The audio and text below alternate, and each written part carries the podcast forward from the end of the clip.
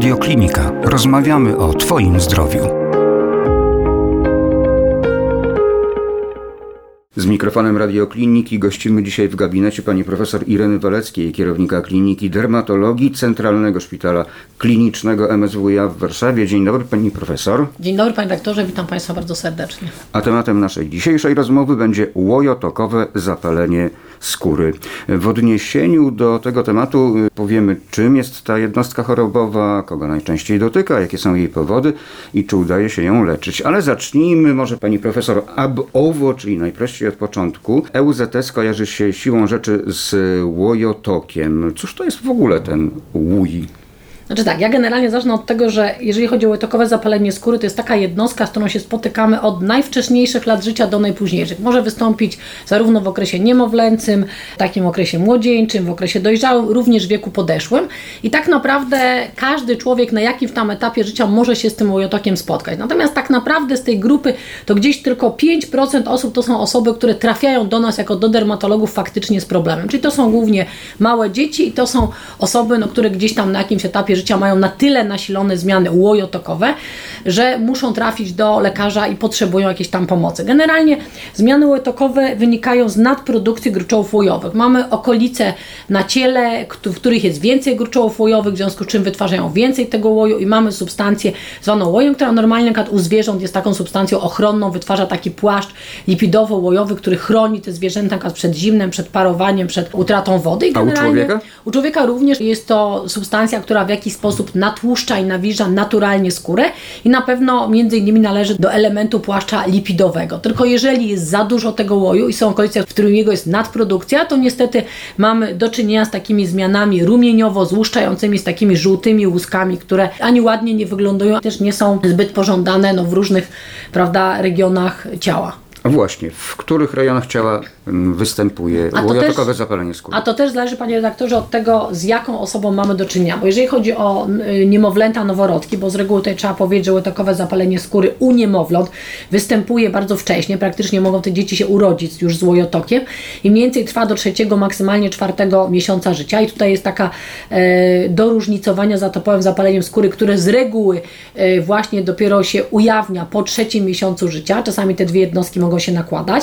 E, I to są zmiany u dzieci, które obejmują głównie skórę owłosioną głowy, kark, oczywiście mogą obejmować okolice twarzy, natomiast zdecydowanie to jest takie główne nasilenie skórowo-osiona głowy, kark, okolica pieluszkowa, Czyli okolice... to jest skupisko gruczołów łojowych, tak, tak? dokładnie, w tych okolicach i natomiast u osób dorosłych te zmiany występują bardziej e, na twarzy, to jest głównie bruzda nosowo-wargowa, to są głównie okolice międzybrwiowe, to jest skóra owłosiona głowy i to jest granica pomiędzy skórą owłosioną głowy a skórą gładką, taka bardzo charakterystyczna, jak pacjenci podniosą włosy, to pod włosami takie zmiany rumieniowo-złuszczające, nieczęsto ze świątem mogą być, aczkolwiek nie muszą, ale może im towarzyszyć świąt, nam no, towarzyszy złuszczanie i na, tak, część pacjentów zgłasza, to oczywiście zależy, bo część pacjentów zgłasza świąt, pieczenie, jakieś kłucia, a część pacjentów mówi, że praktycznie poza złym wyglądem, generalnie jeżeli chodzi o objawy subiektywne, to, to za bardzo pacjenci nie mają.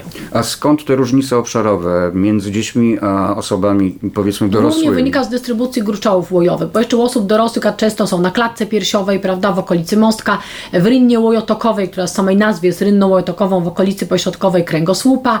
No oczywiście wiadomo, że jeżeli są zmiany bardzo ogólnione, to mogą zajmować również większe powierzchnie ciała. To zależy od prawda, dystrybucji nasilenia produkcji prawda, przez gruczołojowe. Jeszcze wracając do tych niemowląt, to tutaj jak gdyby czynnikiem takim wywołującym są androgeny matki, czyli hormony matki, które przechodzą przez łożysko i stymulują jak gdyby nadprogramowo e, łojotok u, u, u, dzieci. Natomiast na osób dorosłych, tak jak pan doktor powiedział, jest to związane z nadmierną aktywnością gruczołów e, łojowych. No oczywiście to jest nie tylko jedyny czynnik tej etiologii patogenezy, również jest parę innych czynników. Jest no właśnie, czynnik... bo y, łojotokowe zapalenie skóry mogą powodować na przykład y, choroby neurologiczne. Tak, jak najbardziej. Jest taka, jest, znaczy nie tyle teoria, tylko obserwujemy, że, że układ nerwowy odgrywa dosyć dużą rolę w etiologii łetokowego zapalenia skóry i świadczą o tym na przykład przypadki zachorowania u pacjentów z chorobą Parkinsona albo na przykład występowanie zmian łetokowych u pacjenta z niedowładem po udarze i właśnie po tej stronie, po której jest niedowład. I to jest, to jest też A skąd ta zależność? E, no, wydaje się, że tutaj jest e, cały taki zestaw różnych czynników, gdzie skóra, jak wiemy, jest dość mocno powiązana z układem nerwowym. Prawdopodobnie poprzez różne przekaźniki następuje taka niekontrolowana stymulacja gruczołów łojowych. I jeszcze jest jedna rzecz, co oczywiście może jest śmieszna, ale daje się zauważyć związek między porą roku, a częstością występowania i ta choroba pojawia się na częściej w zimie. No to też taka, taka sugestia, prawdopodobnie wynikająca z tego, że cieplej ubieramy, bardziej się pocimy i w związku z czym ta stymulacja jest większa. Ale jeszcze wracając do tych czynników zakaźnych, myślę, że tutaj, co jest bardzo istotne, to czynnikiem zakaźnym jest infekcja e, grzybicza, np. malasezja furfur, dlatego że uważa Czyli, się, że... przepraszam, są y, choroby, które mogą potęgować albo wręcz spowodować łojotokowe zapalenie skóry? e, tak, to, to, ale to choroby neurologiczne, o których powiedzieliśmy. Natomiast jeżeli Tak? pacjent ma łojotok, to już wracając do etiopatogenezy, poza nadmierną aktywnością gruczołów łojowych, to jeszcze dodatkowo dołącza nam się nadkażenie grzybicze, takim, takim grzybkiem właśnie też takie mala... w trakcie już tego łojotokowego Tak, mamy zapalenia, łojotok i na to nakłada nam się Nakłada. nadkażenie, prawda? Dlatego, że taka substancja łojowa jest idealnym miejscem dla bytowania właśnie tego typu grzybka, jak malasezja furfur. E, natomiast jeżeli chodzi u niektórych niemowląt z łojotokiem, to na przykład stwierdza się kolonizację Candida albicans, co jest udowodnione, ponieważ w stolcu na przykład tych dzieci jest zwiększona kolonizacja i również u takich dzieci mogą występować jakieś objawy alergii na drożdżaki, więc u dzieci to bardziej Candida, natomiast u osób dorosłych bardziej malasezja furfur. Zresztą nawet włączając leczenie przeciwgrzybicze mamy zdecydowaną poprawę i to jest w ogóle podstawa leczenia jak gdyby zapalenia skóry, więc ta komponenta zakaźna tutaj jest dosyć, dosyć duża. A co mogą powodować te współistniejące przypadłości, o których Pani wspomniała? One nasilają po prostu jak gdyby łojotok, jeszcze dodatkowo stymulują, drażniąco działają. No i prowadzą oczywiście na przykład do rozkład prawda, łoju i potu na skórze może również odgrywać taką rolę, która prowadzi do, do uczulenia później na produkty i mamy zaczerwienienie, zwiększony łojotok, takie robi błędne koło, prawda, no bo bakterie spożywając ten łojotok i grzybki spożywając ten łojotok wy- wydzielają pewne toksyny, które, produkty metaboliczne, które pobudzają, prawda, zmiany skórne. I to robi się tam takie trochę jak gdyby błędne koło, w związku z czym zatrzymanie tego, wyleczenie tego nadkażenia, no zdecydowanie poprawia stan zmian skórnych łojotokowych. A sposób odżywiania też może mieć wpływ na zwiększone wydzielanie Znaczy na pewno ostre, kwaśne, słone, y, alkohol na przykład nasila, nasila zmiany łojotokowe, więc lepiej, żeby ci pacjenci bardziej stosowali taką dietę śródziemnomorską. Czyli nie nadużywać zbyt ostrych, zbyt intensywnych potraw. Jeśli mamy oczywiście skłonności ku łojotokowemu Dokładnie. zapaleniu skóry, mm, nie nadużywamy y, alkoholu, staramy się pielęgnować skórę, bo myślę, że y, No, pielęgnacja to- jest bardzo istotna. Tutaj Tak, kwestia no, stosowania odpowiednich, kwestia. Mhm. odpowiednich szamponów, kwestia stosowania odpowiednich kremów, leków. Są specjalne kremy dedykowane na łojotokowe zapalenie skóry. Podstawą właściwie pielęgnacji przy nie za mocno nasilonym łojotoku jest, są szampony przeciwgrzybicze, e, zwłaszcza które zawierają związki z grupy imidazoli. Często stosuje się również miejscowe, ale bardzo słabe kortykosterydy na krótko. E, Stosuje się na przykład zwłaszcza na twarzy inhibitory kalcyneuryny. E, Natomiast jeżeli mamy bardzo mocno nasilone zmiany, to tutaj możliwe jest zastosowanie kilku opcji, głównie leczenia ogólnego i tutaj bądź podaje się właśnie leczenie, krótkie takie kursy z pochodnych e, tam głównie itrakonazol, flukonazol.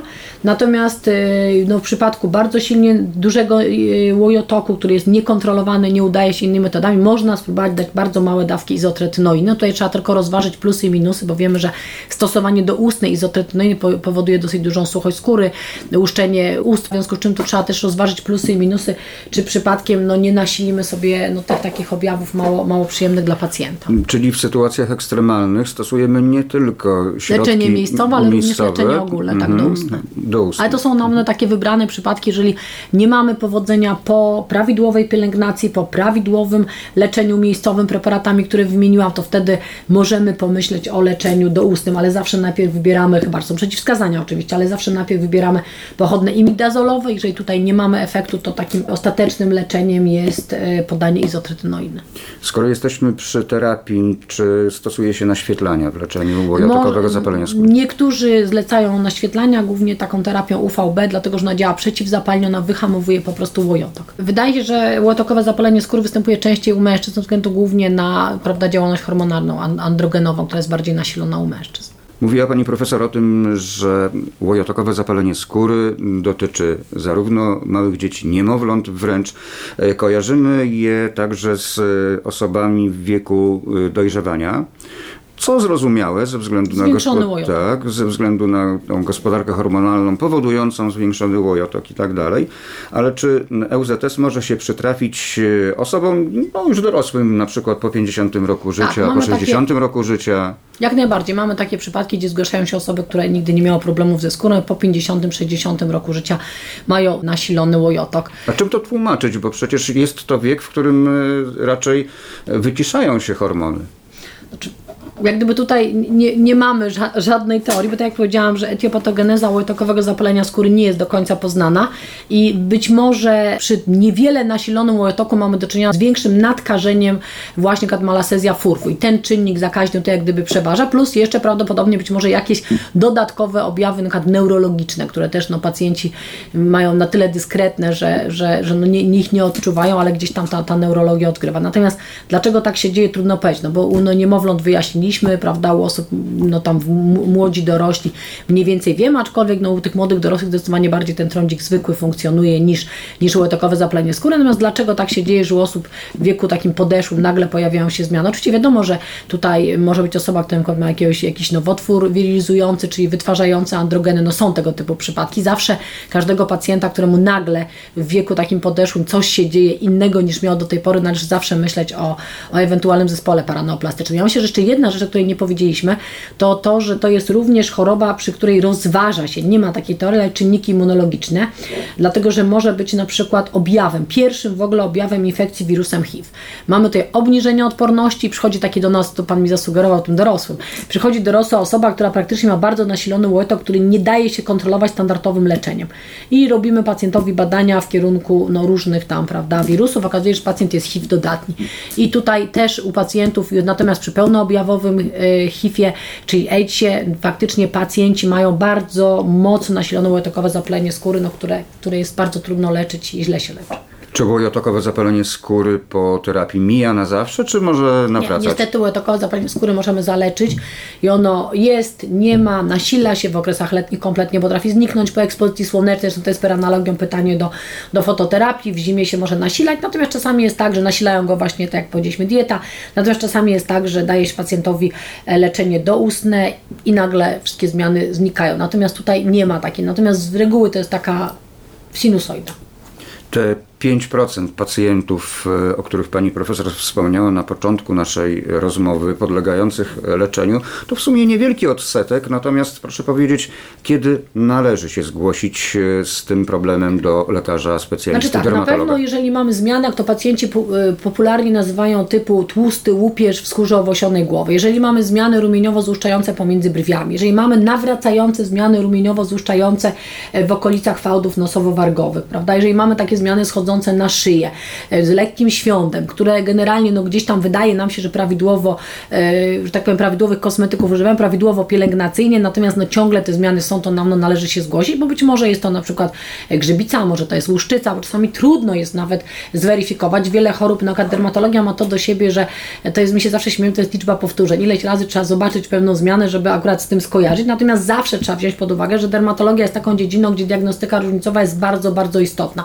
Bardzo istotna nie tylko to, co widzimy, ale również to, co mówi pacjent, bo część, 80% chorób diagnozujemy poza kliniką, to, co widzimy, to jeszcze to, co nam podaje pacjent z wywiadu, prawda? Kiedy się pojawiło, jak się pojawiło, jak się rozwijało i tutaj na przykład czasami są trudności w odróżnieniu od łuszczycy. Jest taka łuszczyca odwrócona, czyli łuszczyca, która zajmuje miejsca niestandardowe i na przykład jest łuszczyca twarzy i ona pięknie imituje łojotokowe zapalenie skóry. Długo są pacjenci leczeni na łojotokowe e, zapalenie skóry. Okazuje się, że to jest po prostu łuszczyca. Tu na przykład wywiad rodzinny, że u takiego pacjenta, który przychodzi z tym łojotokiem, okazuje się, że matka ma łuszczycę i na przykład brat ma łuszczycę, to jest duże prawdopodobieństwo, że to wcale nie jest łojotokowe zapalenie skóry, a łuszczyca.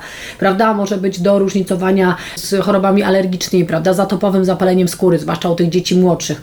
E, Może być do różnicowania zakażeniami grzybiczymi, które również mogą sugerować, czasami jest tak, że to wyglądają takie właśnie girlandy na twarzy i wydaje się, że to jest łojotok, okazuje się, że to są zmiany y, właśnie grzybicze, więc dużo jest różnych jednostek, które mogą, które może imitować łojotokowe zapalenie zapalenie skóry. Padło słowo łupież. Jak wnioskuję, łupież możemy kojarzyć również z łojotokowym zapaleniem skóry. Jak najbardziej. Natomiast tu trzeba odróżnić tak zwany łupież suchy od łupieżu tłustego, prawda? Mamy łupież suchy, na przykład takie, taki łupież u dzieci, takie malutkie, białe łuski, u osób dorosłych łuski, które spadają na ubranie. Tutaj praktycznie prawidłowo dobrane szampony, głównie midazolowe, praktycznie załatwiają temat. Natomiast jak mamy łupież tłusty, czy takie żółte, tłuste łuski, no bo generalnie łojotok na przykład u dziecka wygląda w ten sposób, są takie e, łuski, tłuste, takie żółte i włosy są zbite, splątane, takie pozbijane, czyli coś takiego, no co widać od razu, że coś się dzieje, jest jakiś stan zapalny. Więc potrafię, dzieci mają taką zwykłą ciemieniuchę i wtedy mają taki na przykład y, malutki, no widać, że skóra jest czymś pokryta, ale to jest taka biała, jak gdyby łuseczka. Natomiast tutaj, jeżeli mamy taki wygląd, jak opisałam, te splątane, tłuste włosy, to jest tak zwany czepek niemowlęcy i to jest taka cecha charakterystyczna dla łojotokowego zapalenia skóry.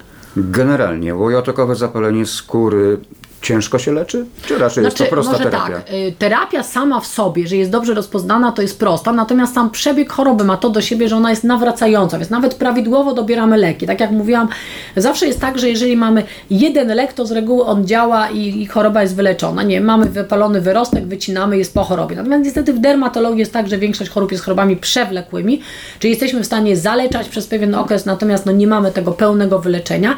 Tak samo jest, nie wiem, watopowym zapaleniu skóry, włoszczycy, wujotoku. Oczywiście ta choroba, tak jak powiedziałam, ona z wiekiem, względu na spadek tej aktywności gruczołów, ona oczywiście powoli się wygasza i ustępuje. Natomiast no, nigdy nie wiemy, kiedy na przykład znowu nawróci, bo te, też weźmy pod uwagę, że na przykład się kieruje też emocjami, że my mamy duży stres, to, to co Pan pyta osób dorosłych. Czasami jakieś bardzo silne sytuacje stresowe, Wręcz e, takie wręcz depresyjne, również u pacjentów z depresją, pacjentów ze schizofrenią, również te emocje y, pobudzają układ, y, czy pobudzają e, gruczoły łojotokowe i potowe do produkcji i też może wystąpić właśnie taki rzut zmian łojotokowych. Summa summarum, przy ekspansywnym wojotokowym zapaleniu skóry należy być pod kontrolą specjalisty dermatologa, ale nie przerażać się leczeniem, bo jak pani profesor wspomniała, raczej terapia jest w miarę prosta, tylko że Tak, terapia, długotrwała. tak, terapia jest w miarę prosta, długotrwała, trzeba tylko przeprowadzić prawidłową diagnostykę różnicową. Jeżeli to, jak gdyby wiemy na 100%, że to jest łojotokowe zapalenie skóry, no to są preparaty i tak jak powiedziałam, szampony i preparaty miejscowe i preparaty doustne i tu gdzieś no, ten, ten łojotok pozostaje pod kontrolą naszą. I tym stwierdzeniem zakończymy naszą rozmowę. Gościem radiokliniki była pani profesor Irena Walecka, kierownik Kliniki Dermatologii Centralnego Szpitala Klinicznego MSWiA w Warszawie. Pięknie dziękuję. Dziękuję bardzo i życzę Państwu, żebyście takich zmian, o których mówiłam, nie mieli na swojej skórze ani owłosionej, ani gładkiej.